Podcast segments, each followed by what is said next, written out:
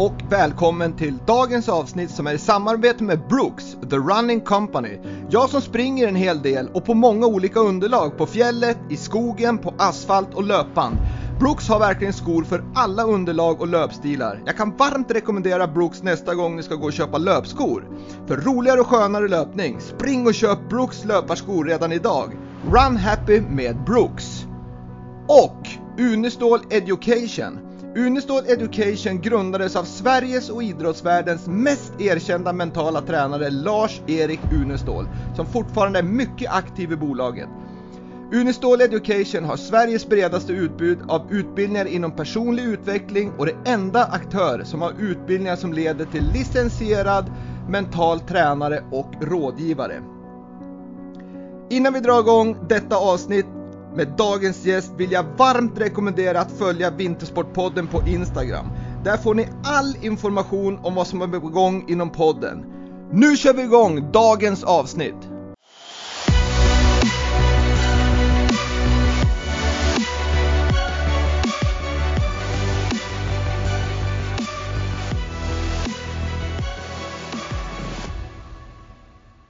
Dagens gäst i Vintersportpodden, Sveriges enda manliga VM-medaljör i super-G och störtlopp samt mannen med den otroliga målfokuseringen. Varmt välkommen till Vintersportpodden, Patrik Järbyn.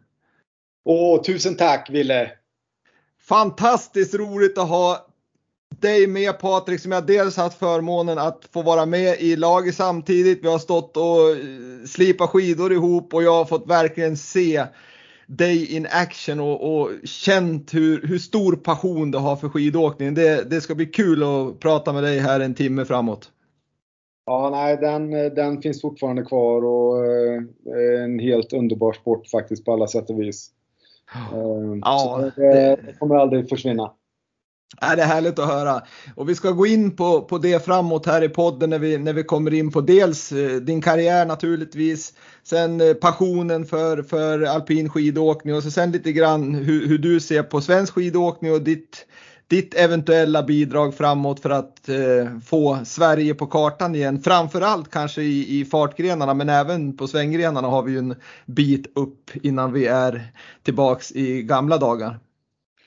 Ja, absolut. Och, och, jag känner ju så här att eh, Alltså, jag åkte ju alla fyra disciplinerna eh, fram till i varje fall eh, nu slalom kan väl eh, vara sådär men fram till 99 ungefär 2000. Men, men det är faktiskt ingen sån stor skillnad. Visst, jag har lite mer kunskap i störtlopp tack vare att man har fått eh, varit mycket i ägget, man har fått testa skidor och, och testat eh, massa såna här grejer. Men i stort sett så är det ingen större skillnad på, på svängen. Eh, storslalom är som DNA i skidåkningen och därifrån gör du en kortare sväng eller du gör en lite längre sväng. Och, och så Tekniken för mig eh, är faktiskt väldigt eh, lika. Sen, sen är det ju små grejer i slalom det är små grejer i störtlopp, super-G. Eh, men eh, nej då, det, det, känner jag att eh, jag kan lika mycket om, om dem som, som eh, de andra. Ja men det förstår jag och det, det är ju som vi som är insatt i, som du säger, i alpin skidåkning. Vi, vi vet ju att storslalomen är på något vis grunden i det hela. Sen är det bara att förlänga eller för, göra lite kortare eller längre svängar. Så att, så att jag tror också att du har mycket att bidra rent tekniskt. Men sen tror jag att du har enormt mycket att bidra rent eh, erfarenhetsmässigt och liksom mentorskapsmässigt. Att, att föra din erfarenhet vidare också. Det, det tror jag absolut. och, och veta egentligen kanske eh, nu känner inte jag allihopa i landslaget sådär. Jag känner ju några stycken fortfarande som är tränare. Jag träffade faktiskt Anders Andersson och Charlie Laban här på vägen från eh, när jag var nere och gjorde Mästarnas Mästare i Spanien. Så träffade jag på dem på Arlanda. Men, eh, och det är många andra säkert som, som jag känner igen och så vidare. Men, men just det här eh, få dem, och, som du säger, mentor och, och veta vad, vad som krävs för, för att komma hela vägen. Mm. Det, är inte, det är inte liksom någon rocket science sådär utan eh, det är lite insikt bara och lite eh, inside information och lite smågrejer sådär. Sen naturligtvis ska ju skidåkning vara där men eh, det känns, i varje fall när jag var med Team ASP här för två år sedan nu, eh, det finns så många fantastiska duktiga unga skidåkare i Sverige. Så det, det är för mig en, en gåta faktiskt eh, att eh, vi inte har eh, just nu, framförallt kanske på här sidan mer, mer framme där. Mm. Och då ska vi säga att Team ASP det är ju som en eh, privat aktör i, i branschen som, som, som man kan anmäla sig till att vara med helt enkelt. Och där var ju du ledare i fjol i alla fall. Ja, ledare så ska jag inte säga, men det, det är Jonas Lind och Mattias Eriksson som är cheferna där om man säger så. Jag, ja. Eh, var fantastiskt att få vara med dem där det, den hela hösten och halva vintern. Sen skulle jag ju åkt till Kina och hjälpt till några kineser och eh, kolla på världscupen där men det vart ingenting av med det utan eh, då kom ju Corona och, eller Covid eller vad man nu kallar det och förstörde lite grann. Men eh, det var, för mig var det en sån här wow-upplevelse att se alla de här ungdomarna hur, i den stora massan hur bra de åker. Liksom, vilken bra grundteknik de har. Och där måste man ge, eller jag vill ge i varje fall, så, sån stor cred till alla de här skidklubbarna vi har ute i Sverige. Och, och eh, vilket grymt jobb de gör med sina ungdomar på alla sätt och vis. För, för utan klubb, klubbarna så, så får vi inte fram någonting, så enkelt är det. Ja, kul att höra Patrik, för det är ju som du säger, det är ju den svenska modellen ändå. Det är ju där någonstans grunden ligger och kan man då få sådana som dig och, och andra erfarna åkare och duktiga tränare att, att förmedla det ut i klubbarna också då, till, till ledare, då, då har vi ju riktigt bra förutsättningar. Ja, och det här är min personliga åsikt. Eh, nu har man några år på nacken, men, men, den svenska modellen om man säger så, att alla jobbar tillsammans och jobbar för varandra och, och kämpar för varandra oavsett om det är handboll, fotboll, hockey eller vad det nu kan vara för någonting. Det, det, det är våran grund-DNA på ett eller annat sätt och, och det, det har vi en fördel mot massa andra eh, nationer och, och, länder och så vidare. Och det får vi faktiskt aldrig tappa. Det, det är våran styrka. Så, så det, det, det måste vi behålla. Verkligen. Vi ska komma in på det lite längre fram här i podden. Men innan det så ska jag bara dra kort lite grann om vem Patrik Järbyn är för er som inte känner till. Jag tror ingen har missat det i, i, av de som lyssnar på den här podden. Men Patrik föddes 69 i Målsryd. Han flyttade som 16-åring upp till skidhemmet i Tärnaby och tävlade stor... Vad sa du? 17-åring. 17-åring? Jag var inte tillräckligt bra för att komma in där första året så jag var eh, reserv eh, det andra året. Eh, men jag lyckades komma in tack vare att en tjej inte ville gå i Tärnaby och eh, så jag gick med 70 de som är födda 1970. Aha. Så där, ja, där, där har vi också en sån här härlig grej som vi också ska komma in på för att, för att du var ju inte heller med i något lag förrän du var 22 år. Men vi kommer in på det senare.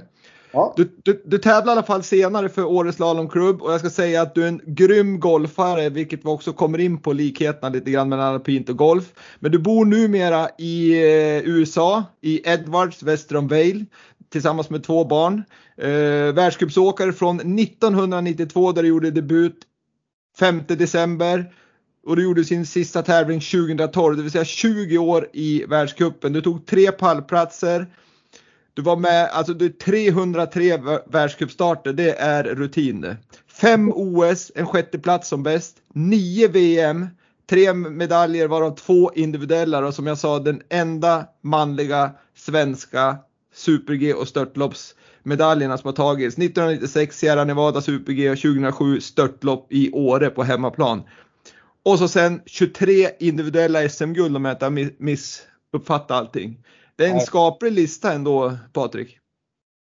Ja, oh ja, jag är, hur ska man säga, fantastiskt stolt över vad jag åstadkom och, och eh, nu är det väl eh, jag tror jag har fyra eller fem Europacupsegrar och, och fem eller sex Norham-segrar också.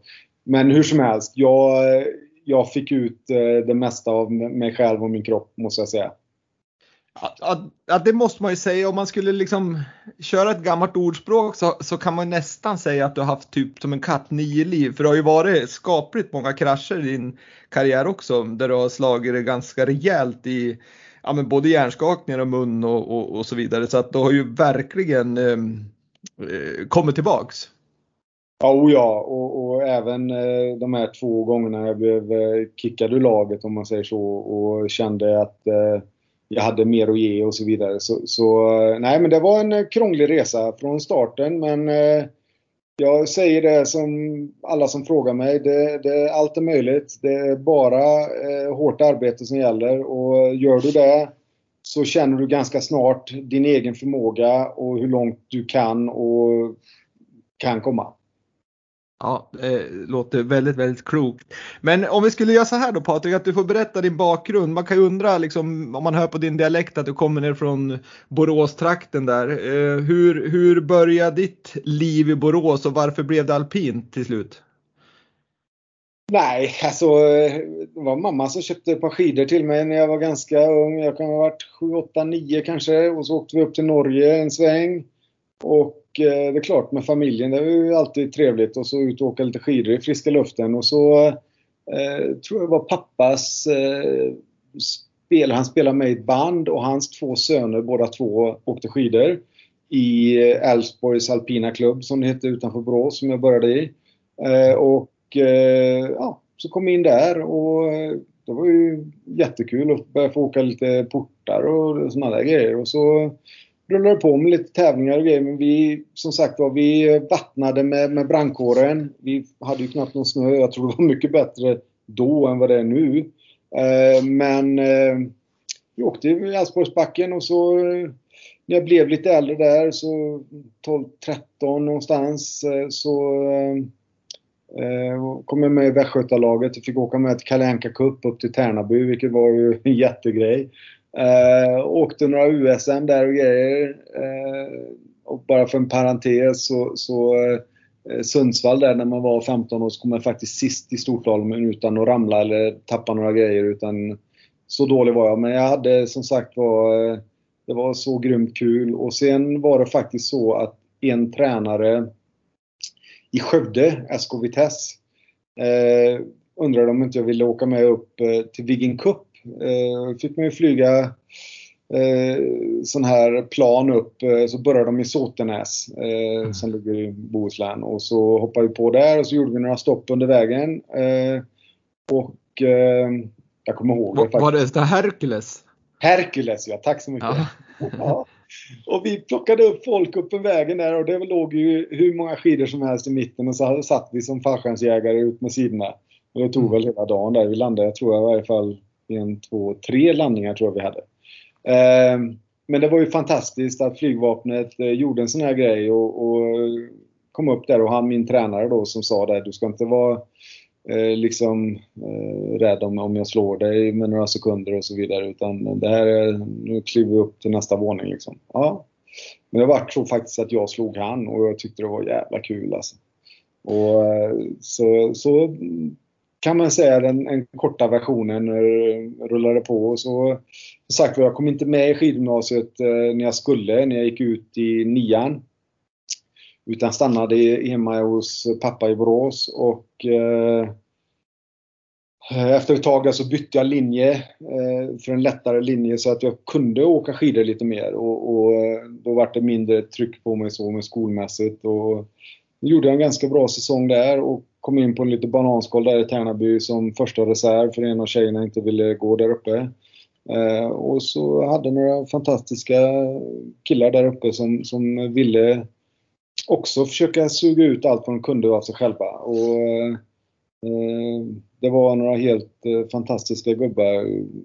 Per Lundstam, eh, Martin Lör, Jussi Ax, eh, eh, vilka var det mer? Eh, Peter Wikström, Jussi Olle. Inte grabb, grabben, Håkan grabben, Olsson? Ja. Blomman. Så vi var ett helt jättegäng där som verkligen eh, gjorde allt vad vi kunde för att och liksom bli så bra vi kunde. Och, och det tror jag nog utan dem eh, så hade jag inte kommit så långt eh, som jag kommit. Utan eh, de, det var sån motivation konstant på alla träningar och, och allting. Och, ja, det var en fantastisk tid. Men, men, vad var det som fick det? För nu, nu, upplever, nu generaliserar jag lite friskt här, men, men jag upplever ändå att man, många ger upp idag om man inte är liksom topp 5 som 13-åring. Då slutar man för det är ingen idé, man kommer nog ändå inte in på något skidgymnasium. Men Men här visar ju du verkligen att du åker upp på USM, blir absolut sist i Sundsvall och så sen bara kämpar du på. Du kommer inte in på skidgymnasium. Du bor dessutom nere i Borås och fortsätter kämpa på. Vad, vad var det som liksom vad var det som drev dig? Du har ju sagt att det var liksom härligt att vara ute och sådär men du måste ju ändå ha känt någonstans att det här är grejen. Oh ja, och, och min min, min sån här motivation eller min sån där känsla, den största grejen jag hade. Vi hade ju några gubbar här som var, eller killar, eh, förlåt mig grabbar, eh, som var ganska dominerande. Det var ju liksom Tony Frans, det var ju Fredrik Nyberg, det var Henrik Nyström. Det var ju en helt koppel av grymma skidåkare som man fick storstryk av varenda åk. Men så var det något åkt här som man kanske bara var, inte vet jag, fyra sekunder efter eller fem eller någonting mm. Och nästa åk så kanske man var bara 3,5. Och då kände man ju wow! Fan vilket jävla åk jag fick till. Mm. Så, du var ju tvungen att jämföra lite själv och, och dina egen förmåga och hela den där biten. Och det var väl det som fick mig att känna att fan, nu börjar jag närma sig lite grann. Och sen klart, jag kom väl upp där till skidhemmet i Tärnaby och, och, fick jobba lite mer på de här grejerna. Fick lite mer dagar på snö. Eh, då under den här tiden när man utvecklas som mest. Och det ska man ju också säga att vi killar är ju kanske två, inte vet jag, kanske två och en halv år efter tjejerna i utvecklingen. Eh, mm. Så det är klart, det går mycket snabbare för en tjej att bli bra i tidig ålder än en kille. Plus att eh, konkurrensen är ju så mycket större bland killarna. Men eh, det var liksom en, en, resa för mig bara som, som tog lite längre tid. Och eh, jag hade inte så, så mycket annat att göra heller. Och, och eh, efter de här tre åren skidåk, skid, skidhemmet så, så hade vi ju faktiskt någonting som var helt fantastiskt också. Det här med, med idrottsplutonen som, som jag gick vid Östersund på I5. Mm, mm, och eh, det förlängde också ytterligare ett år. Eh, och man kan ju se på det på olika sätt naturligtvis. Men, men här borta i USA är det ju faktiskt helt grymt eh, systemet på det sättet. Eh, just att de går i skola fram till 12 klassen. Och sen har de då fyra år till på college. Och då får killarna lite större chans att utveckla sig på ett annat sätt.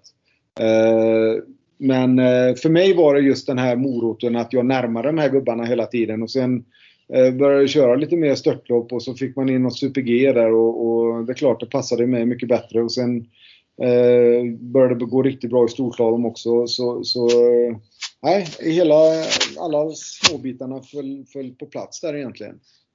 Ja, för, för, grejen var att eh, förmodligen då den här viljan som du beskriver här, den har du ju haft med dig sen. Vi kommer in på det senare här med, med just att du blev utesluten, eller inte utesluten, men kickad från laget vid ett par tillfällen, vilket eh, det du beskriver nu, det hade du säkert med dig då. Men, men en sak som jag tycker också är väldigt härligt med den beskrivelse du gör, det är ju att det finns ju en en debatt ska jag inte säga, men diskussioner i Sverige nu just det här med tidig specialisering och tidig utslagning och, och du är ju ett bevis på att att liksom, man behöver inte vara en stjärna när man är 12, 13, 14 år utan du, du, kom in, du kom inte in första året på skidgymnasium, du kom in andra och du var som 22-åring första gången i en landslagsgrupp. Ja precis och, och min största grej här eh, och nu har jag verkligen chansen att säga mitt, mitt här om man säger så det är det att det, det ska, du får sluta med den här specialiseringen i tidig ålder. Det kan inte bli något jobb när man är 13-14 år.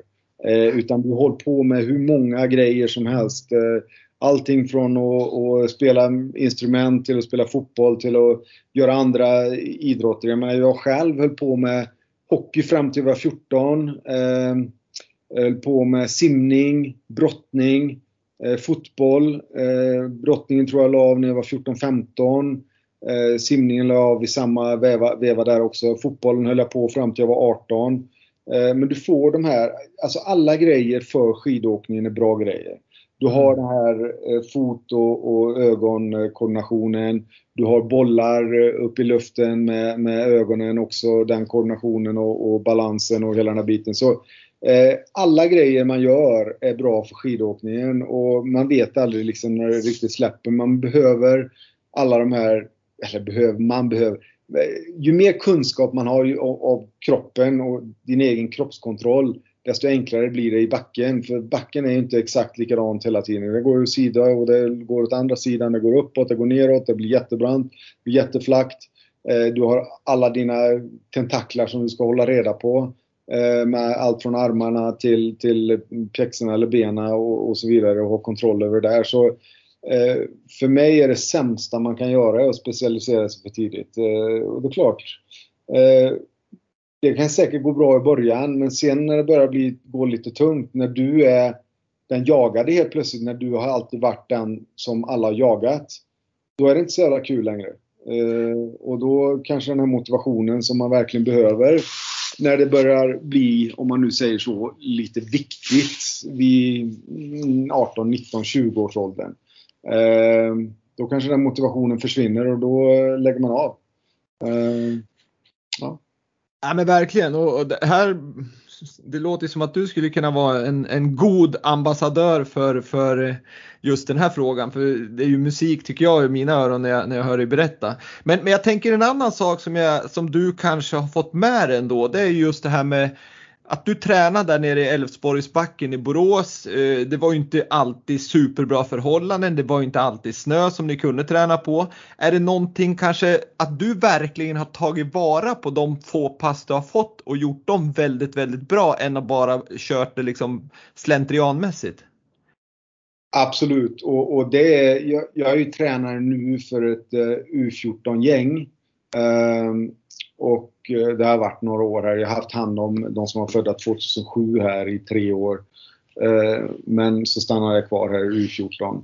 Eh, jag, jag, säger ju hela tiden till dem att det är ingen idé att åka 10 åk när du inte tänker på någonting och bara åker. Du har lärt dig någon, noll den dagen. Utan åk hellre mycket mindre åk, 2, 3, 4 bara kanske. Och verkligen fundera och jobba på det du jobbar på. Så att vi kan göra de här ändringarna för då kommer det bli då kommer du gå framåt mycket snabbare än, än att bara åka massa skidor om du förstår vad jag menar. Du förstår vad jag menar. Men, men mm. eh, försöka få dem insikten att koncentrera sig och fokusera sig på de åkerna de gör. Och det gäller även uppvärmningen och grejer. Vi har lite speciella eh, övningar som vi gör på uppvärmningen för att, för att få till dem och lite individuellt också. Men eh, det tycker jag är mycket viktigare än att bara åka en massa skidor om, om, om du förstår vad jag menar. Ja, verkligen. Men du, eh, om vi går in på, på Patrik Järbyn och din liksom härliga och fantastiska karriär då som, som började i världscupen 92 och, och sluta 20 år senare 2012 och sen som vi sa har vi ju en massa 9 VM och 5 OS och pallplatser och, och eh, medaljer på VM. Men, men om man går in på karriären, liksom vad, vad saknar du nu från, från karriären? Alltså jag kan ju vara villigt erkänna, jag saknar ju skidåkning varenda dag. Eh, jag saknar eh, tävlingen varenda dag också. Jag, jag eh, önskar att man kunde få ta tillbaka i tiden. Men, men det, allt slit man har gjort, blod, svett, tårar och, och lite till var värt allting. Eh, sen är det klart, eh, om man, jag ska inte säga att man ångrar någonting. Jag menar jag Eh, personligen och jag tror nog de som tävlade under min eh, epok om man säger så. Eh, det var fan så mycket tuffare än vad det, var, vad det är nu. Alltså, de här tio österrikarna som stod på start, alla tio kunde vinna. De var ju helt unikum. De var ju etta till nia där i Innsbruck eh, 98 va? Eller 99 kanske det var. 98 tror jag det var ehm, och, och, alla de här österrikarna som fanns plus du vet Åmot, Schus, Darren Ralphs, Bode Miller. Eh, alla de här som åkte alltså tre discipliner i stort sett allihopa. Eh, och en del av dem fyra för den delen. Eh, jag tar bort det här kombination, jag tycker inte det är någon gren egentligen men, men eh, eh, det var helt fantastiska skidåkare plus att vi var ju tvungna att gå från 2.10 skidor i storslalom och 2.05 i slalom hela vägen ner till 1.55 eller 1.60 eller vad det var i slalom och, och 1.90-85 eller vad det nu var i storslalom. Så, så man har gått igenom hela den där men vilka, och det är inte, jag säger inte att det inte, de är sämre skidåkare nu men massan under 90-talet, början av 2000-talet går inte ens jämföra hur det ser ut nu. Alltså. Ja, det, var ett rikt, ja, det var ett riktigt eh, getingbo där med, som du beskriver, alla de där eh, otroliga ja, med getingboet med, med extremt duktiga skidåkare. Och jag menar Österrikes lag som, som du sa var ju väldigt många som kunde vinna. Men, men var det någon gång då, jag tänker du då som var relativt ensam, Fredde Nybro åkte ju också lite fart, framförallt Super-G, kanske inte så mycket störtlopp. Sen fanns det ju inte så jättemånga fler som åkte fart i världskuppen. Hur, hur, hur liksom hur, hur, menar du inte många som åkte fart i världscupen? Ja, ja, men från Sverige alltså? Från, ja, från, från svenska ja. sidan? Nej, nej. Och, och, jag tänkte då, då, när du var ute i, i världscupen och, och, och så såg du liksom resurserna som framförallt Österrike hade men även norrmännen hade ju bra resurser och, och, och Kände du någon hopplöshet ibland sådär att fasiken om vi hade haft liksom 10% av deras resurser då hade det här kunnat gå riktigt bra? Uh, ja, alltså så ser väl inte jag det egentligen. Men, men det är klart, man såg ju eh, och framförallt känner jag så här eh, när, när, Hans Olsson kom med. Att visst, nu var vi helt plötsligt dubbelt så många, vi var två. När Hans kom med så var det inte dubbelt så mycket. Det kändes som var tre, fyra gånger så mycket. Och mm. då tänker man alla de här andra landslagen som hade tio man per landslag oavsett vilket land du än snackar om. Utav de här större. Eh, Kanada, USA, Norge, Frankrike, Italien, Österrike, Schweiz och så vidare. Och så vidare. Tyskland. Eh, vilket, vilken liksom eh, skarp ägg på, på högsta nivån det måste vara liksom konstant på träningarna och så vidare. Och det var ju det som jag kände framförallt att man kunde sitta där med Hans och och bolla lite grann. Hur fan, hur åkte du där? Åh, oh, vad bra du åkte där. Hur tänkte du? Och, och, så vidare.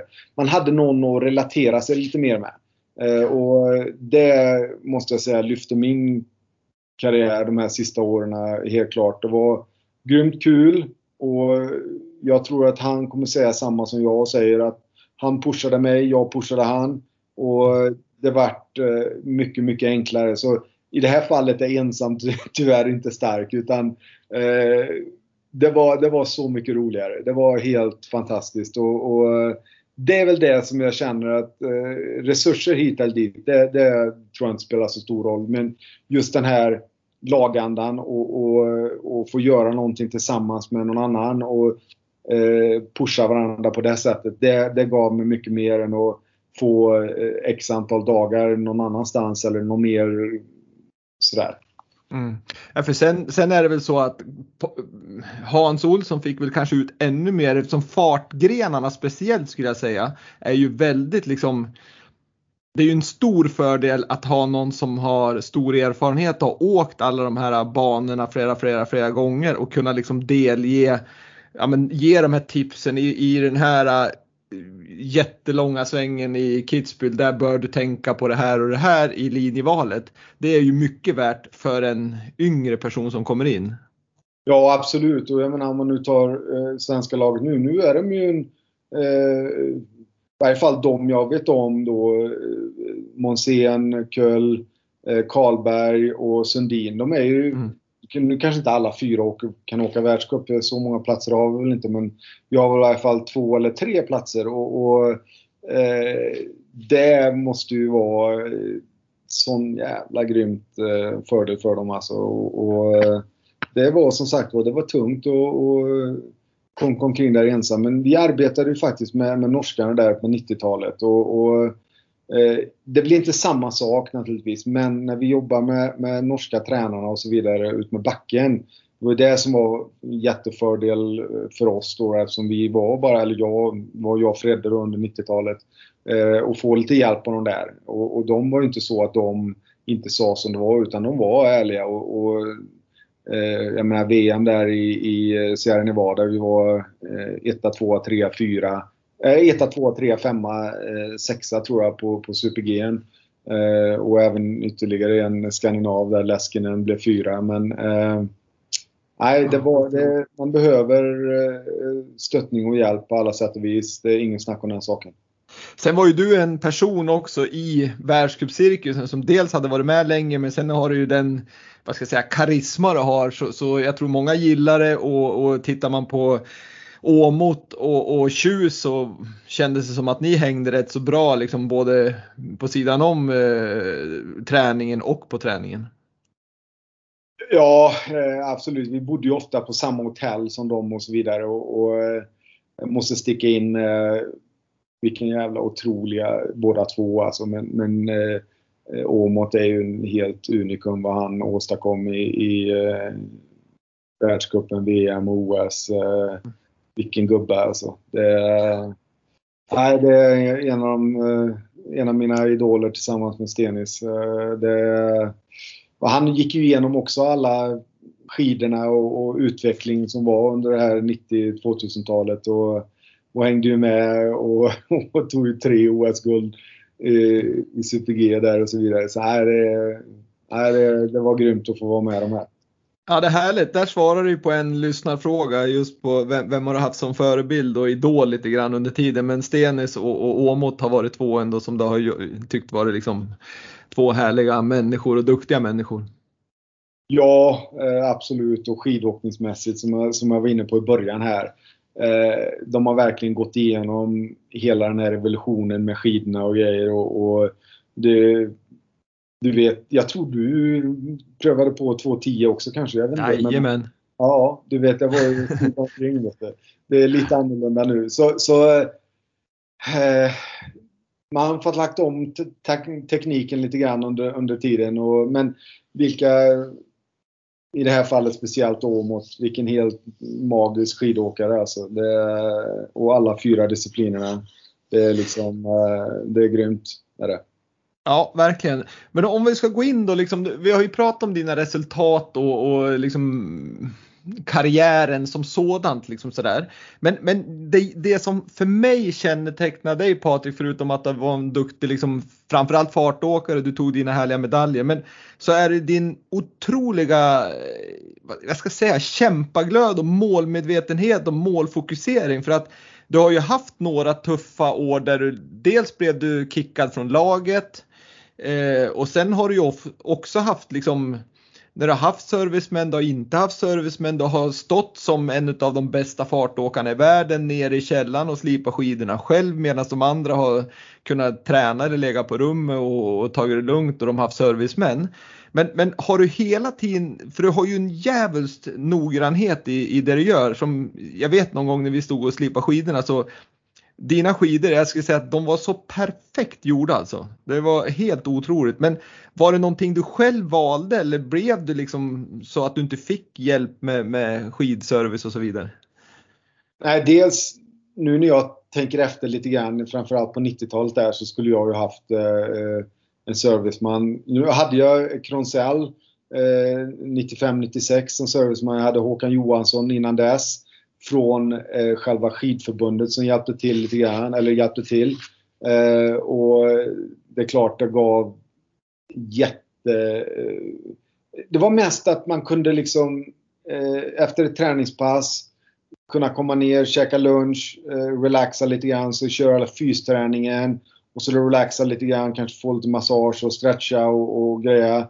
Och, och sen var det middag och sen var det att göra redo för nästa dag. Det, det kunde inte jag göra där var ju många, många, jättemånga läger som inte jag kunde vara med på fyspassen tack vare att jag hade så jävla mycket skidor att göra. Och, och men, men grunden var så här att jag visste eh, i början av 90-talet där så var eh, kvaliteten på skidorna väldigt olika. Från och med mitten av 90-talet skulle jag säga framåt så, så är, har i stort sett alla märkena höjt sig otroligt eh, med just materialet. Så nu tror jag inte det spelar så stor roll vad man åker på. Det är mest den här individuella känslan att åh, det märket passar mig mycket bättre. Och det var likadant för mig. Jag menar Atomic eh, som jag åkte på i stort sett hela min karriär var ju det som funkar liksom. Eh, mm. och, men vad jag förstod var det att ganska tidigt var att eh, kontrollera det du kan kontrollera, alltså din utrustning, allting från dräkten, handskar, hjälm, glasögon, stavar, framförallt skidor eh, och pjäxor naturligtvis. Eh, just den delen som, som du kan faktiskt göra någonting åt. Eh, väder, vind, backförhållanden, hur banan är satt och, och så vidare. Det kan du inte göra någonting åt utan lägg energin på det du kan. Och eh, När skidorna står upp med, med, väggen om man säger så, så blir de faktiskt inte snabbare. Utan de måste åkas på. Och, eh, eh därför hade jag med mig 3, 4, 5, 6 par varenda dag. Eh, för att, fått dem, eh, för att få, få åka på dem och eh, få in lite valla och få dem att vakna till. Men var det svårt för någon serviceman, jag tänker som ja, men ute på touren då som man säger, var det något svårt för någon serviceman att, att jobba med dig eller, eller kände de att jag vågar inte ta jobbet med Patrik för då jävlar är det så, han är så perfektionist så att jag, jag, det kommer inte gå liksom. Var, var det på den nivån eller för jag vet ju att det var så fantastiskt fina grejer du hade. Ja, nej men eh, det är väl en, en fråga till dem i sådana fall.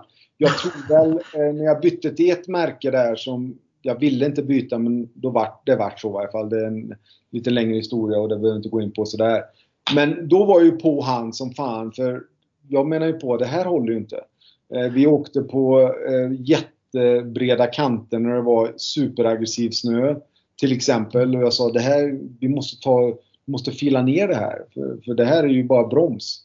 Eh, och då var det mycket säkert från hans sida att oj, oj, oj, måste jag jobba också? Typ. Eh, men eh, nej, jag hade, jag menar, samtidigt som jag hade höga krav på mig själv så, så tyckte jag att eh, det här var ju deras jobb så det var inte så svårt att, att lägga manken till och jobba lite grann. Så eh, de där åren med det där funkar nog säkert inte så bra. Men sen eh, hade jag faktiskt eh, när jag var kickad där sista gången, eh, 05, eller 06 menar jag. Eh, jag fick, eh, som sagt jag, jag, jag var inte tvingad, men i stort sett tvingad. Ena året när jag bytte så skulle Atomic inte längre vara med i poolen. Eh, det andra året så ville han ha 25 000 dollar för mig att betala för att få material och service. Och mm. de pengarna hade ju fan inte jag alltså.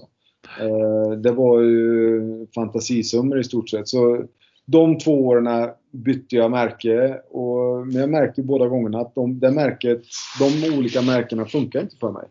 Uh, och Det var ju bara att gå tillbaka. Det var uh, en lång historia som kommer att göra jättekort. Jag kämpade som bara den 06 där och få komma tillbaka till Atomic efter mycket om och men, jag tror det stod tre månader, jag hade kylan på mig fortfarande, fick jag i varje fall köpa grejer. Mm. Så jag köpte två par eh, slalomskidor, jag köpte nog fyra par storslalom, fyra par super-G, fyra par störtlopp. Men jag visste ju det samtidigt också, alla var helt sprillans nya. Och eh, det tar ju ett år i stort sett innan super-G och störtloppsskidor kommer igång lite grann. Mm. Eh, och man kan ha tio par från samma serie och det kan vara ett, två par som går bra och resten är oh la la. Eh, men eh, då hade jag faktiskt kontakten där med, med Herman Meyer, serviceman och, och eh, eh, när jag fick klartecken att jag fick köpa grejer så sträckte jag ut en hand direkt till han.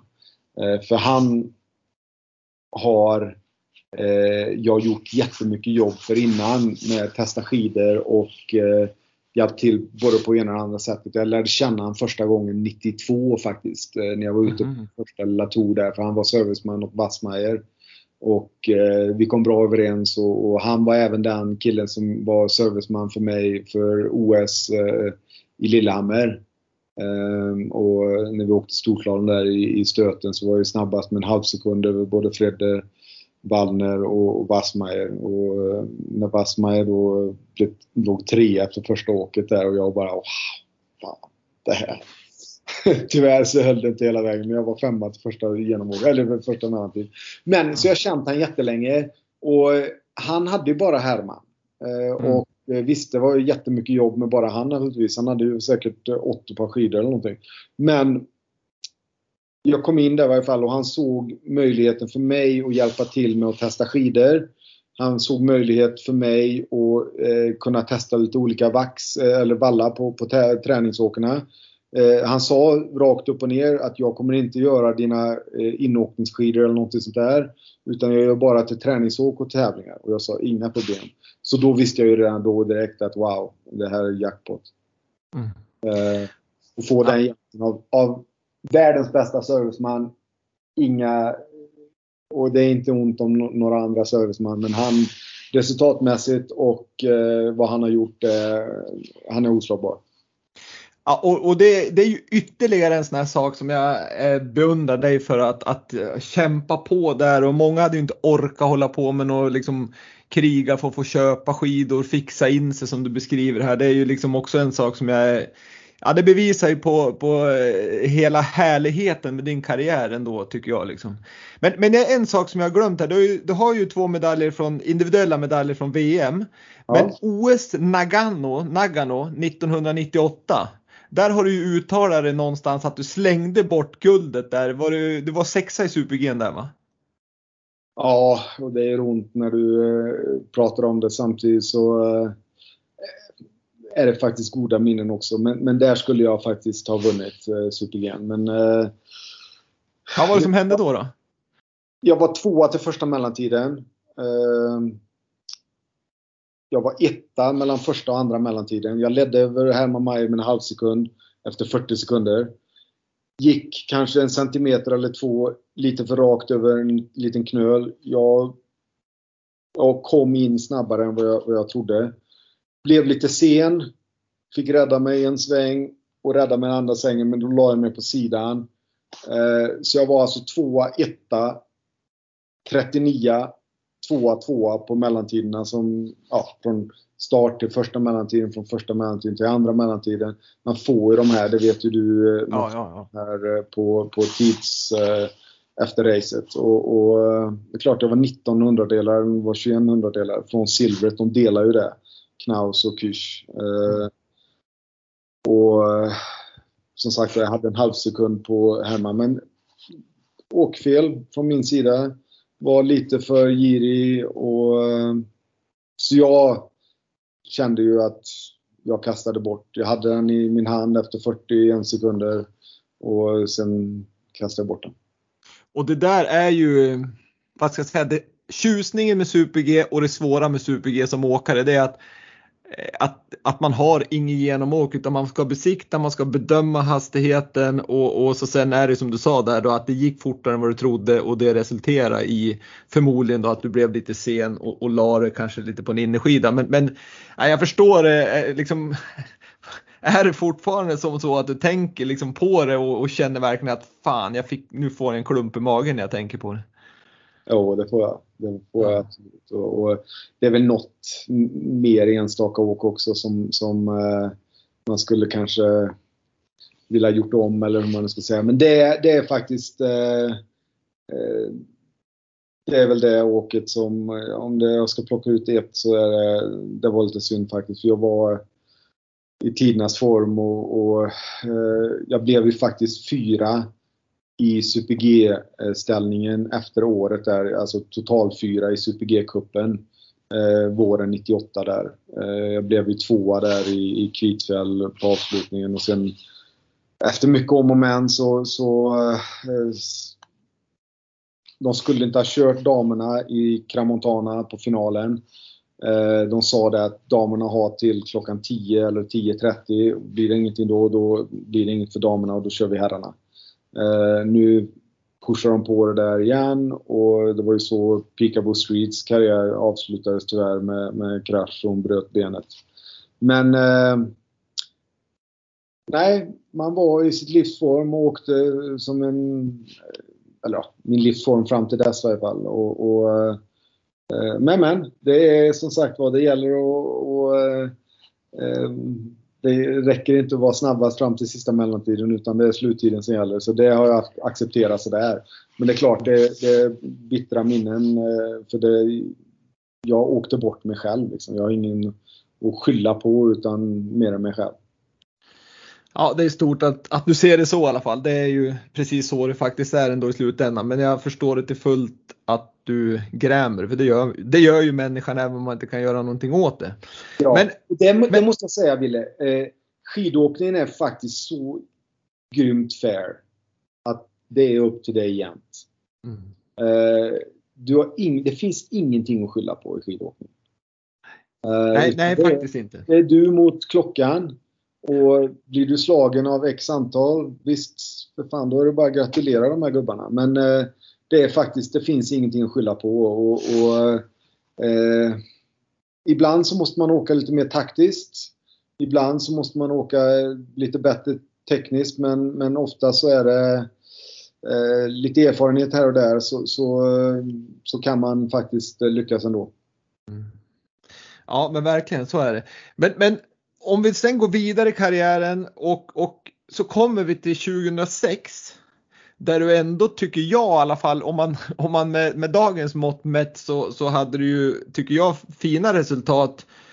Om man kanske bortser från österrikiska landslaget men tittar du alla andra landslag så, så var det ju bra. Jag tror att i Super-G så hade du typ eh, två nionde platser, en elfte plats, en sextonde plats om jag inte missminner mig kring dem i alla fall. Och, ja, jag tror jag hade tre topp 10 det året. Ja. Eh, och eh, finalen blev jag tia där eh, när de eh, det måste jag ta lite snabbt. Vi var på besiktningen där och kom till Rossi. Eh, och det var bara som en Wow, det här har de byggt upp alldeles för högt. Och jag sa till tränaren som var där att det här måste ni få ner gubbar. Det här, så här kan vi inte åka. Vi kommer ju flyga hur långt som helst. Och, eh, och då ska vi prata att det här var i Åre va? Det här var i Åre-finalen ja. 2006. Ja. Och eh, eh, alltså det var, det var alldeles, det var som en backhoppningsbacke liksom. Det var alldeles för Så första amerikanen där, han som var junior-VM-guldmästare, jag kommer inte ihåg vad han hette nu, men han flög i varje fall en 60-70 meter och kraschade och hade prylar över hela jävla backen där. Sen kom ju han Staudacher, Patrik, italienaren där, som faktiskt vann VM-guld året efter. Han gjorde lite sådana här småstopp innan för att få ner farten. Han märkte väl också det att kommer jag att köra över här så kommer jag hamna i botten.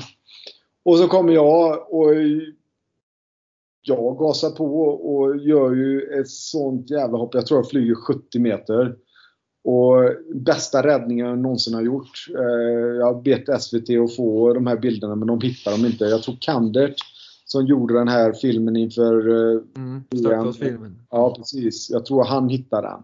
Men efter det så har de inte hittat den igen. Jag vet inte. Men i varje fall, jag gör världens räddning. Jag blir tia i, i, i tävlingen. Men efter mig så tar de ner det här hoppet med en halv meter. Och då flyger de knappt efter det. Jag hade bone bruise i båda lårbenen. Jag kunde knappt gå dagen efter så jag hade inte kunnat gjort eh, ett omåk ändå. Men jag, jag fick faktiskt inte göra ett omåk. Utan eh, de kapade ner det där hoppet och eh, sen körde de vidare bara. Jag blev faktiskt tia. Hade man gjort så idag? Eh, att, att, att, kapa ner och kört vidare, att det känns ju som det, då hade man nog ställt in va? Ja, jag tror också det faktiskt. Och, och, men det var som sagt var inte fair utan de här som kom efter mig, de, de flög inte ens. För det eh, komplicerade med Rossi också om vi ska tillägga det, det är att efter när du landade då efter 70 meter så kom det en ganska rejäl kompression. Ja, och jag tror att den var lite större då än vad den var nu. Men ja, ja mycket, kan mycket gå tillbaka då 20 år tidigare, då var det ju en riktig jävla kompression. Alltså då var det ju... Då, var ja, då ju... flög du ur den också om jag inte missminner ja. Men eh, det var i varje fall eh, en, en grym räddning. Men, men det året jag åkte alltså eh, jag skyller inte på materialet, men, men det passade inte mig så jättebra. Utan eh, jag, jag gjorde vad jag kunde plus att mina pjäxor gick sönder där ganska tidigt, eh, första tävlingen och jag fick inga nya av dem. Utan fick eh, laborera lite grann med några olika märken där under december månad. Eh, så det är klart, det var lite tufft också. Men eh, sen fick jag hitta pjäxor som, som funkade okej okay, och som sagt var, jag blev eh, jag blev 19 ändå eh, i totalställningen i Super G-cupen efter 06, eh, eller säsongen 05-06. Och, och, där då någonstans så, så har jag också liksom läst och, och, och, och, känner till lite grann kanske men men, men när man utvärderar den här säsongen så, så var väl inte riktigt, om, om jag inte misstar mig helt nu så, så hade du ju Ulf Emilsson som tränare då i fartgrenarna. Och han var inte ens med på den utvärdering som man gjorde på våren för att sätta lagen inför 2007. Är det någon, stämmer det eller är det bara någonting som jag har fått för mig? Uh, min, min känsla säger att det kan säkert stämma men det får du faktiskt snacka om, om med han om. Uh, ja. Det därför jag uttalar mig om. För jag, ja. men, jag var men, garanterat inte med i varje fall så mycket. Men hur som, det, det som det jag skulle komma till om vi bortser från utvärderingar och hit eller dit. Men jag tycker ändå du hade rätt fina resultat med dagens mått mätt och även med som det var då. För det fanns ju inte heller så många fartåkare då som gjorde de här resultaten. Men, men du blev alltså inte uttagen i landslaget inför säsongen 06-07. Eh, hur gick dina tankar då? Du stod inför ett hemma-VM du var ju ändå i, liksom, i den form du beskriver här med tre topp 10 och du var på tionde plats på finalen där, där de gjorde om förutsättningarna helt och hållet. Så att du måste ju ändå känt att du var ett medaljkandidat på hemmaplan där du dessutom har åkt så väldigt, väldigt många gånger i den backen som ni skulle tävla i. Hur, hur var känslan då? då liksom? hur, hur gick tankarna då Patrik? Alltså medaljkandidat så kanske jag inte kände så där men alltså eh, när man är så högt upp och, och, och tävlar mot framförallt de här som jag nämnt. Eh, det var liksom jävligt eh, många bra skidåkare och så vidare. Men eh, kan man komma tia då kan man faktiskt lika gärna vinna. Så små marginaler var det. Och mm. det var ju många tävlingar där man kom 15 och var under en sekund efter. Liksom. Men eh, eh, tankarna var ju det att fan, jag har mer kvar att ge här. Alltså, jag, är, jag, jag är inte slut alltså. Jag, jag, jag hade liksom det var inte något dåligt material jag åkte på men det passade som sagt var inte mig, min, min åkstil, min åkning.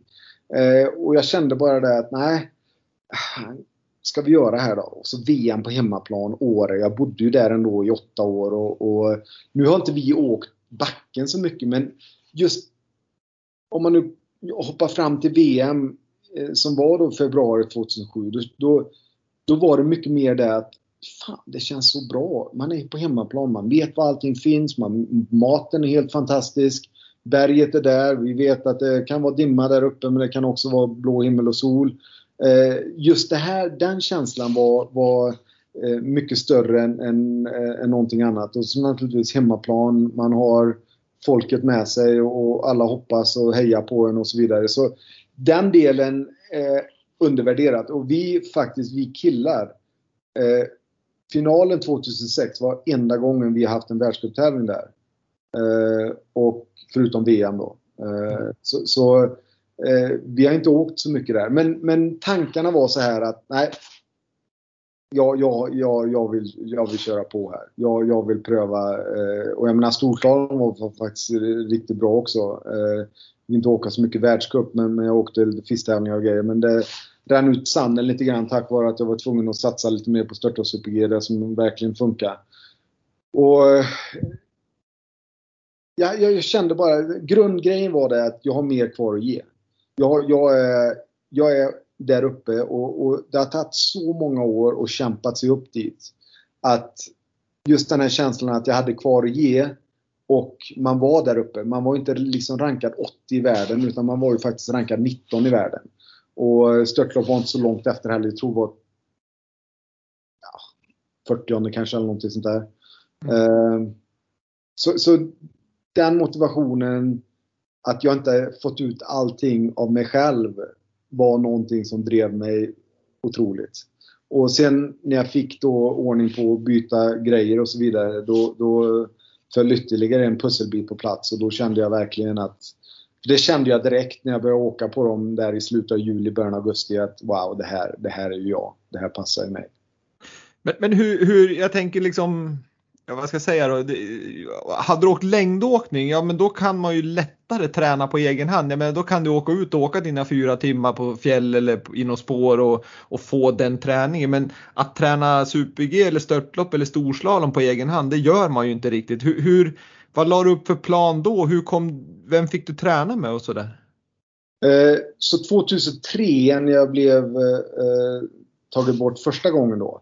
Då sträckte jag ut en hand till Norge, Tyskland och USA.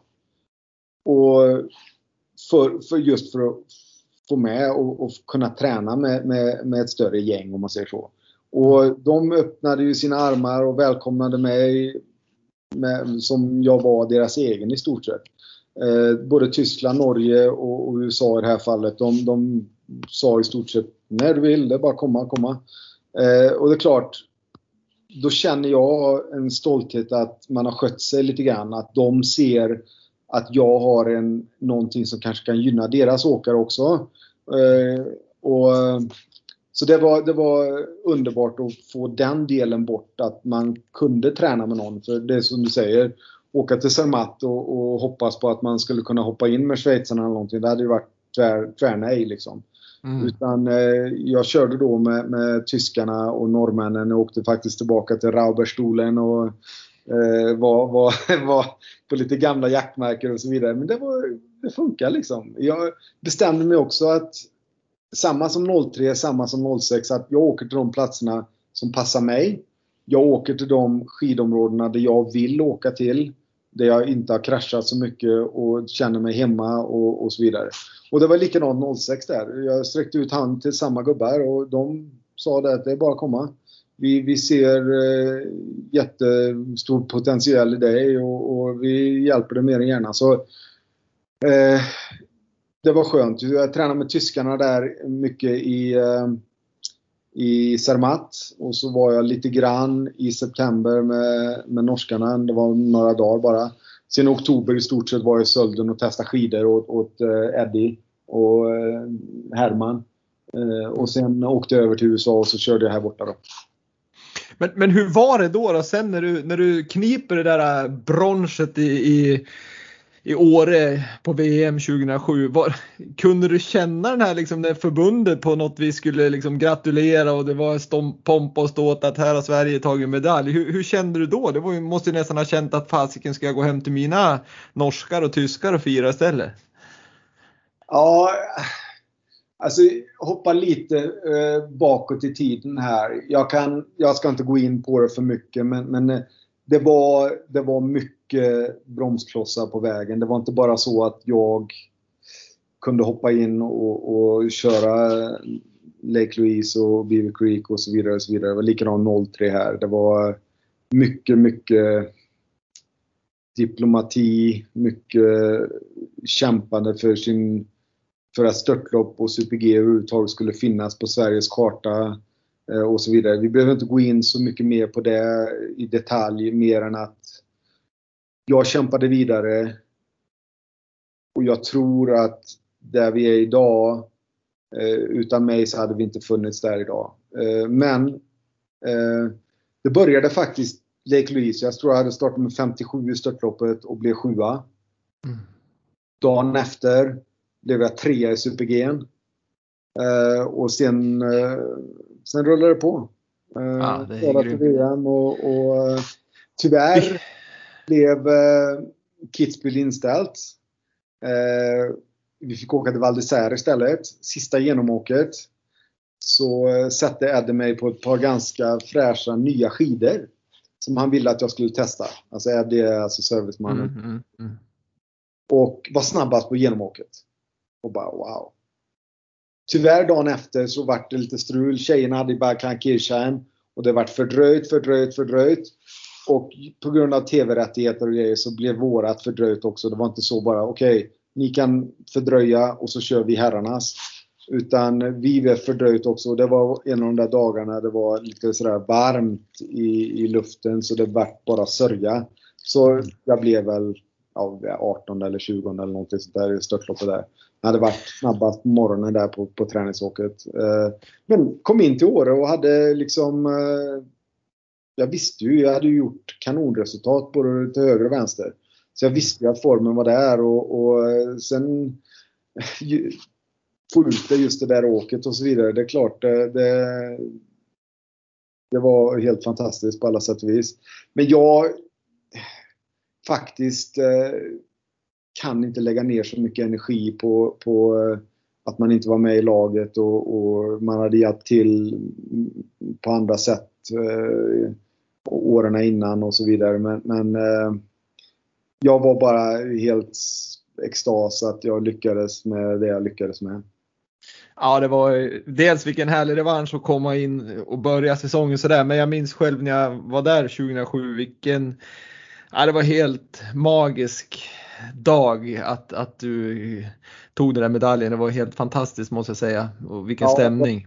Det måste jag säga. En av Sveriges eh, svensk alpin skidåkning måste man väl säga största dagar någonsin tack vare mm. att jag tog VM-guld eh, en timme innan eller någonting sånt där. Och så, och så på hemmaplan, nej det var helt magiskt, helt magiskt. Men du, om, du, du nämnde Kitzbühel blev inställt där. Ja. Eh, för, för, för gemene man som, som följer skidåkning och som, som pratar alpin skidåkning men som kanske inte är liksom gamla atleter, då, då, då är ju Kitzbühel någonting som, som många känner igen och det är ju liksom förenat med skräck nästan eh, själva störtloppet där. Ehm, kan, kan du beskriva, det behöver inte hålla på en timme, men kan du beskriva ändå känslan av liksom atmosfären uppe på start? Eh, åkarna, är man liksom, är det annorlunda i Kitzbühel än vad det är i, i Lake Louise till exempel eller eh, något annat störtlopp? Liksom just det här med respekten, man står på startlinjen så kommer en helikopter helt plötsligt för man vet att den innan har dragit i Mausfall någonstans där. Hur, hur kan du beskriva liksom en förberedelserna åt åket?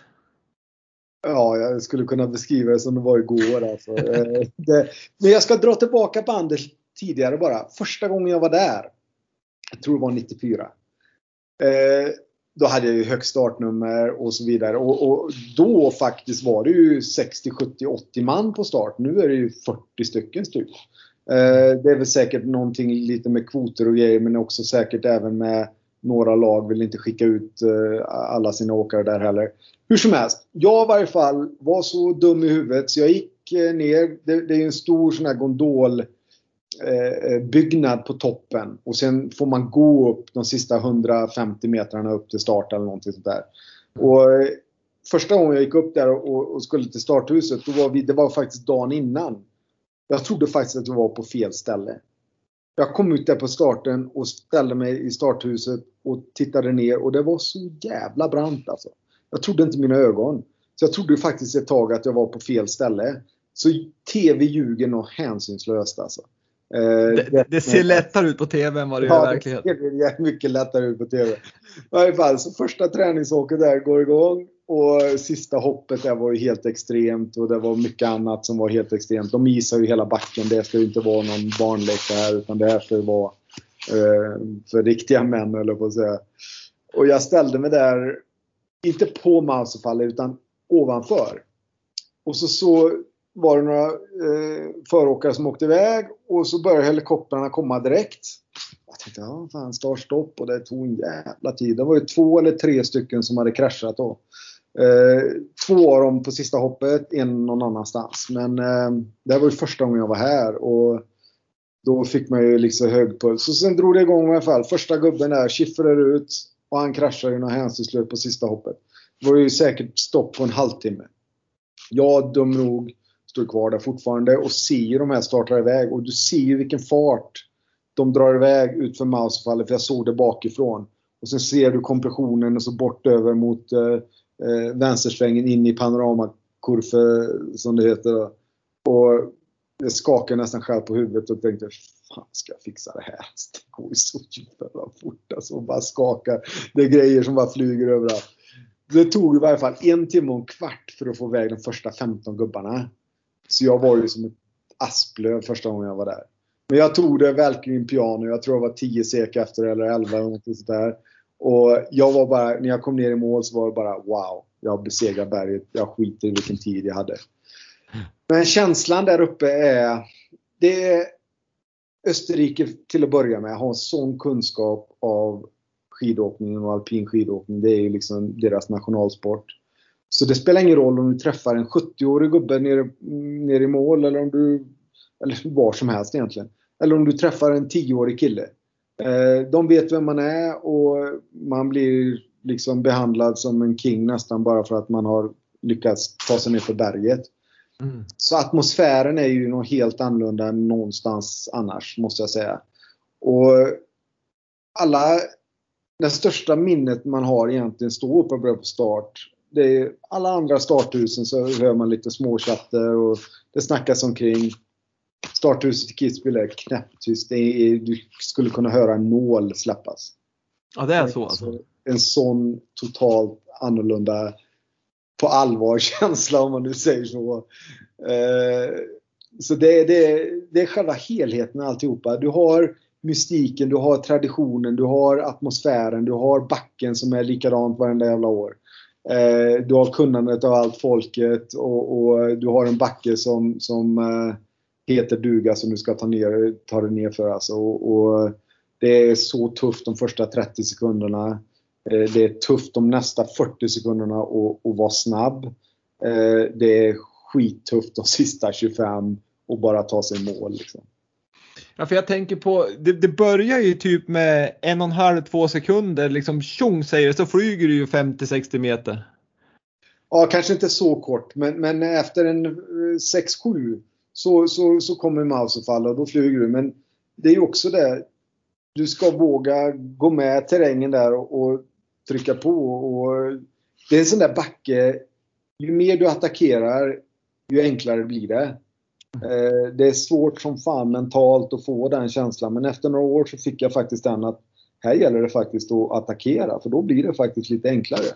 Eh, ja, jag, tänker, jag, jag, tänker det på när du är liksom ganska trött där, då var du ute i en och en halv minut ungefär och så kommer den här skrå skråpartiet på slutet innan liksom sista hoppet. Hur, hur, för där ser det ju precis ut som att man kan ju inte se någonting för det slår och det far och man är trött och liksom, det måste ju vara nästan en överraskning om man kommer till nästa port.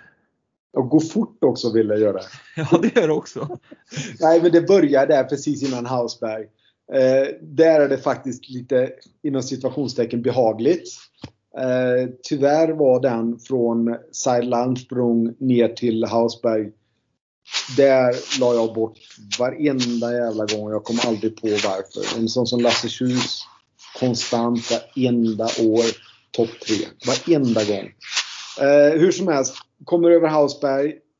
Du ser bara horisonten och så helt plötsligt så är det rock'n'roll igen. Det lutar på något hänsynslöst.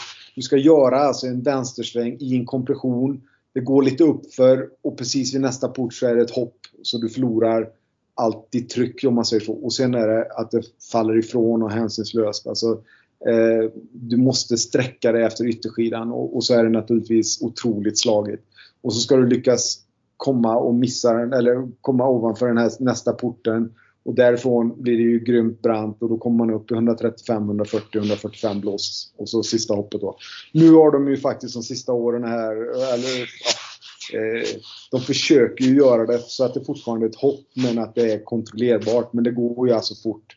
Det räcker ju bara med ett litet slag sådär och du har lite eh, halvtaskig kroppskontroll och så blir det lite sideways och då blir det lätt att det blir en krasch. Men eh, det är just att det går fort men framförallt att det är så jävla oroligt och slagigt för de har ju vattnat och det är inte så att de bara vattnar det och, och liksom Eh, eh, slippar och, och, och, plogar så att det blir jämnt och fint. Utan de kör ju verkligen eh, att de går och de gör det så jävligt det bara går. Bara för att det ska bli lite spektakulärt och det ska vara tufft. Liksom. Men när du kommer i mål då, då, är det känslan, är det liksom eh, glad att man har, tänkte säga, en väldigt bra placering, förbannad att det är dåligt eller är det bara en lättnad att man har ben och armar och huvud i behåll? Att det var det faktiskt så att när man gick igenom mållinjen och när man har stannat, då var det bara varenda jävla gång, fan jag besegrar berget. Mm. Och sen kan du titta hur det gick eller hur det för. Men, men det, det, det var alltid känslan att jag klarade en gång till. Ja, det, ja, det är härligt det är härligt att höra och här tror jag många ska lyssna på innan de tittar på Kidsbill nästa gång så, så får de en bättre förståelse för vad man går igenom. Men, men Patrik, jag tycker ju personligen med, med hela din story här om, om, eh, ja men från att du bodde i Borås och körde Älvsborgsbacken och vägen via Tärnaby och, och, eh, kom in i landslaget och blev kickad några gånger och tog VM-medaljer och hit och dit och, och Kitzbühel och sådär. Så du måste nästan skriva en bok om, om ditt, din karriär och ditt härliga liv, det, det skulle, den boken skulle jag i alla fall vilja läsa. Det tror jag skulle många skulle ha ett, både ett gott skratt men även få mycket liksom härlig inspiration genom. Nej men det vill jag faktiskt göra också och, och, eh, jag hoppas att jag får chansen att göra det här. Och jag känner mer en sån här känsla att det, det är som en motivationsgrej mer än någonting annat. Det är en grej att allt är möjligt. Det, det är mer upp till dig. Ingenting är omöjligt. Eh, kan jag komma där jag från kommer fram till jag var 17 år och lyckas på det sättet jag gjort, precis som du beskrev. Så, så det är inte så att jag har någonting speciellt sådär. Jag, jag tror att alla har det. Sen att alla inte kanske eh, kämpar på lika länge som jag kämpade på och så vidare. Det, det är en annan grej. Men, men alltså just den här motivationen och det spelar ingen roll om, i det här fallet var det ju skidåkning i mitt fall då, men det är även jobbet med, med förhållanden, med, med, livet i sig och allting. Att det går att göra så mycket om man bara vill, om man bara har den här drivet och, och motivationen framför sig och, och, göra de här grejerna som man vill göra eller ska göra eller kan göra. Mm. Ja, det tycker jag är en bra, bra insikt och bra att du förmedlar det för där tror jag det är många som behöver lite inspiration och lite knuff så, så kommer man långt med, med motivation och, och vilja. Absolut. Men du, innan vi, vi har kört här ett tag nu, men, men jag måste ändå gå in på eh, bland de sista sakerna här. Det är ju svensk alpin skidåkning just nu. Du har varit inne på det tidigare, speciellt på här sidan så, så är det ju lite klent om man säger i alla fall på, på eh, världscupsnivå. Du nämnde att, du nämnde att det finns ju vad ska jag säga, duktiga åkare i yngre led som du har sett ehm, och, och eh, så min egentligen fråga är hur, hur, ser du på situationen? Hur skulle du kunna bidra till liksom att vi kommer upp på banan igen och, och framförallt så kommer du komma till svensk skidåkning någon gång framåt? Ja, för att svara på den sista grejen där så, så kan jag bara från min sida verkligen bara hoppas eh, eh, och få chansen och, och, få vara med på det här. Och, och för hjärtat brinner för Sverige. Det, även om jag bor här borta så, så är mitt hjärta och min själ och, och det är Sverige är mitt land om man säger så. Mm. Uh, och det kommer alltid vara så. Uh, som sagt var, jag hoppas verkligen att jag får chansen att få vara med här framöver på ett eller annat sätt. Och, och som sagt var, jag har kunskap i, i alla fyra disciplinerna. Det är inte så att det är limiterat till störta och super-G bara. och Nej men klart, eh, det börjar ju som jag var inne på innan, klubbnivå. Jag känner att wow, där, det lilla jag såg här för två år sedan då med, med Mattias och Jonas eh, med Team ASB, alltså det finns hur många bra och duktiga skidåkare som helst. Eh, sen vad som händer efter att de blir överlämnade och, och, och skidgymnasierna och grejer, det har jag faktiskt eh, lite dålig koll på. Eh, men på damsidan så ser det ju faktiskt fantastiskt bra ut med eh, Lutman och, och Rask och, och eh, de här andra tjejerna som åkte här i Sölden också. Och även de här lite inom citationstecken äldre som Hector och, och, och de här andra. Anna Sven. Ja precis, Sven Larsson och, och, och slalom och, och så vidare. Så damsidan ser jag jätte, ser det jättebra ut. Eh, Ehm, på här sidan eh, så ser det väl bäst ut, om man nu tar bort Kristoffer Jakobsen, att eh, det är väl i stort sett på fartsidan det ser riktigt bra ut. Eh, måste man väl säga. Där har ju Månsén gjort ganska fina resultat här på, ja, till och från i alla fall. Absolut, jag måste säga imponerad. Bormio var ju mitt och Hans, måste jag säga, skräckställe. Eh, nu såg det faktiskt de sista åren har det sett faktiskt lite mer inom situationstecken behagligare ut. När vi åkte där så var det sista 40 sekunderna var blankis. De satte inte på lamporna, vi såg ingenting, det bara slog och äh, det var fruktansvärt var det. Hur som helst, eh, det börjar ju Europacup Eh, så enkelt är det. Och där måste man... Det räcker ju i stort sett att en, kanske två max, få till några resultat. Och, och sen kommer det rulla på. och Sen kommer de andra killarna i Europacuplaget och se, fan, kan han så kan jag. Och varför ska han kunna och inte jag kunna? Så då blir det en sån här effekt som, som eh, vi hade, tror jag, med, med slalomkillarna, med Byggmark, Myhrer, Hagin, eh, Brolenius och, och Lachtenberre och hela det här gänget, Marcus Larsson. Eh, då blir det som en, en snöbollseffekt allihopa. Men eh, jag vet ju inte, jag är inte insatt tillräckligt för att kunna se vad som händer där. Men det lilla jag har sett på världscupen när någon av de här yngre killarna har dykt upp, det är väl att deras taktik är väl kanske inte eh, den bästa. Eh, det lilla jag har sett, eh, Ville, förstå mig rätt här nu. Mm. Jag är ju inte där på träning och jag är inte där på Europacup utan jag ser ju bara det jag får se på TV på världscupen. Men det kändes lite grann som att de åkte som att de har startnummer ett om man säger så. Mm, mm.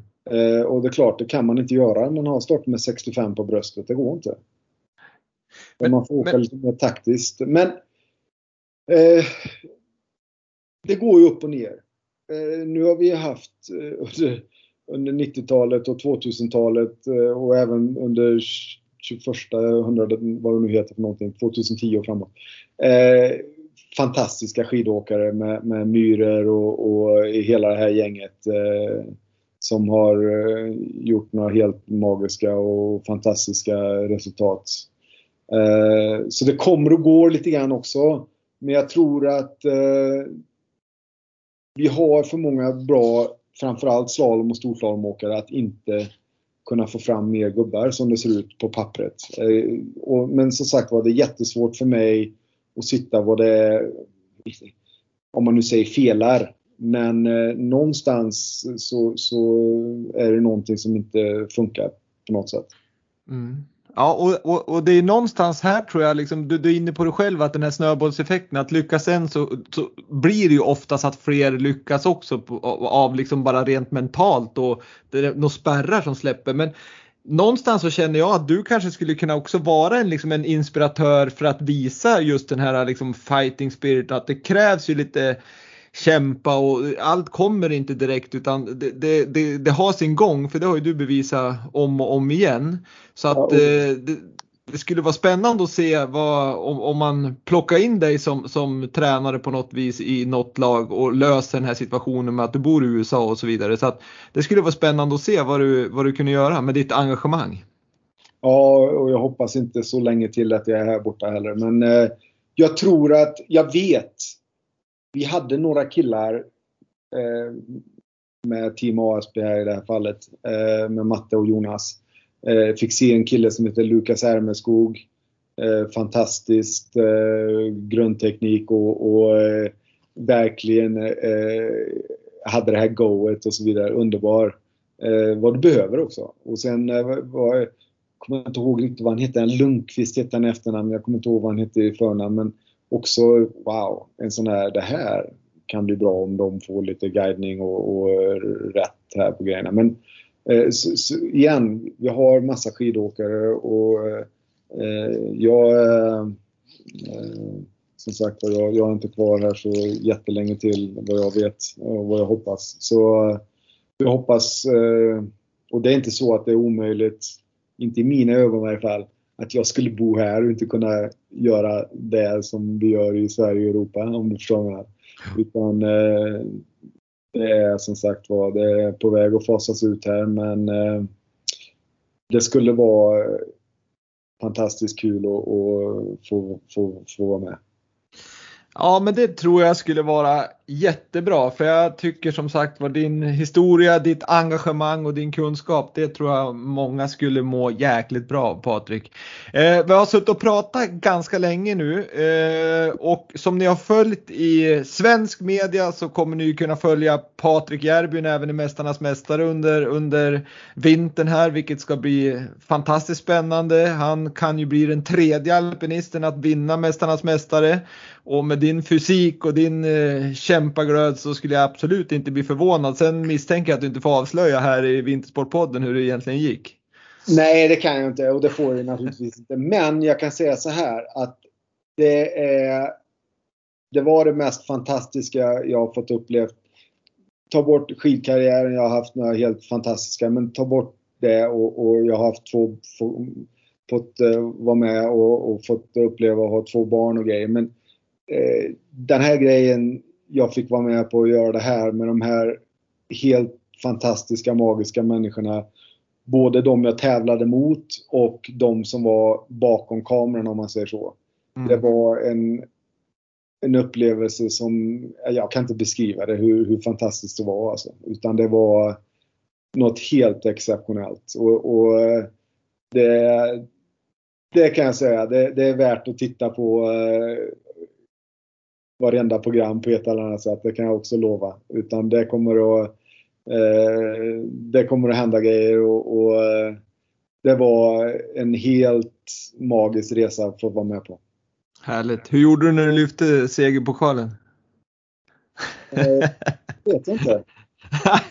Nej, då, skämt åsido. Det ska bli kul att följa det faktiskt. Det, historiskt sett så har vi, vi alpinister ganska bra ja, men kroppskontroll som du beskrev inledningsvis genom, genom mångsidig rörelse i ung ålder så, så brukar vi vara bra i de här olika tävlingarna både på eh, Mästarnas Mästare men även om man är med i Fångarna på fortet som det också har varit och så vidare. Men, Där vann men Pat... två myror med alltså, Fredriksson och Wassberg. Ja. Ja men. Det var grymt. Nej, men det, det är som du säger. Och, och, det är väl det som är... Och, och komma tillbaka igen, en snabbis här, vill inte uppehålla det för länge här. Eh, just det här mångfalden, att vi måste vara bra på så många grejer. Eh, vi måste vara snabba, vi måste vara starka, vi måste vara uthålliga, vi måste vara eh, bra reflexer, vi måste ha bra kroppskontroll. Alltså när du kör, oavsett om det är slalom eller om det är störtlopp, då måste du vara med på grejerna och du måste ha det här hjärnan till musklerna och, och allt det här som, som är. Och därför tror jag eh, vi är så bra tränade och grundträningen och så vidare. Sen att jag är 52 år gammal nu, det, det är en annan grej. Men eh, det finns där och, och, det är det som är så viktigt att få, eh, få alla egentligen förstå. Både, både killarna och tjejerna som åker skidor men även föräldrarna att, att eh, mycket bättre att hålla på med lite mer grejer eh, eller andra grejer och inte bara fokusera sig på specialisera sig för tidigt utan eh, det kommer när det kommer och när det kommer så då kan man lägga ner all kraft och tid. Underbara slutord Patrik. Det värmer och det ska många föreningar och föräldrar lyssna till oavsett om du håller på med alpint, längd, hockey, fotboll, golf eller vad du än håller på med. Lyssna på de orden för det där är en framgångssaga. Behöver inte stressa, behöver inte se det som ett jobb när man är 10, 12, 13 år utan håll på med saker, få en bra rörelseförmåga och, och bli mer framgångsrik när man blir äldre. Grymt att höra Patrik. Då har jag bara en fråga kvar som jag ställer till alla som är med i Vintersportpodden oavsett vad man har gjort och den är ett kort svar på som du kommer säkert kunna ge. Och den är så här, eh, kan du säga en framgångsfaktor för att lyckas med idrott? Glädje. Fatiken. Det, det var du och många andra har sagt det kan jag säga. Och det tycker jag är härligt och, och att du säger för att det, det, kan man ju se när man har sett dig in action så har du ju haft glädjen där med dig hela tiden och det har gjort att du förmodligen har orkat kämpa igenom alla de här motgångarna som du ändå har haft samtidigt som det har lett till framgångar. Så att otroligt härligt att höra Patrik. Ja, tack. Och jag och Vintersportpodden önskar dig all lycka eh, med framtida projekt. Jag hoppas att du kommer till Sverige och blir alpin tränare för det tror jag vi skulle må bra av. Du är en härlig människa och sen hoppas jag att du vinner eh, fång eller Mästarnas Mästare. ja, nej, men det, det, jag längtar hem till Sverige eh, i stort sett varenda dag och, och eh, eh, det ska vi ta åt oss. Sen är inte Sverige perfekt eh, på alla sätt och vis eh, heller nu för tiden men eh, det är, det är ett underbart land att leva i och vi måste ta hand om allihopa i, i, i Sverige och verkligen vara snälla med varandra istället för att vara taskiga mot varandra. Grymma slutord Patrik. Stort, stort tack och lycka till! Tackar Wille! Ha det bra! Hej då! Hej.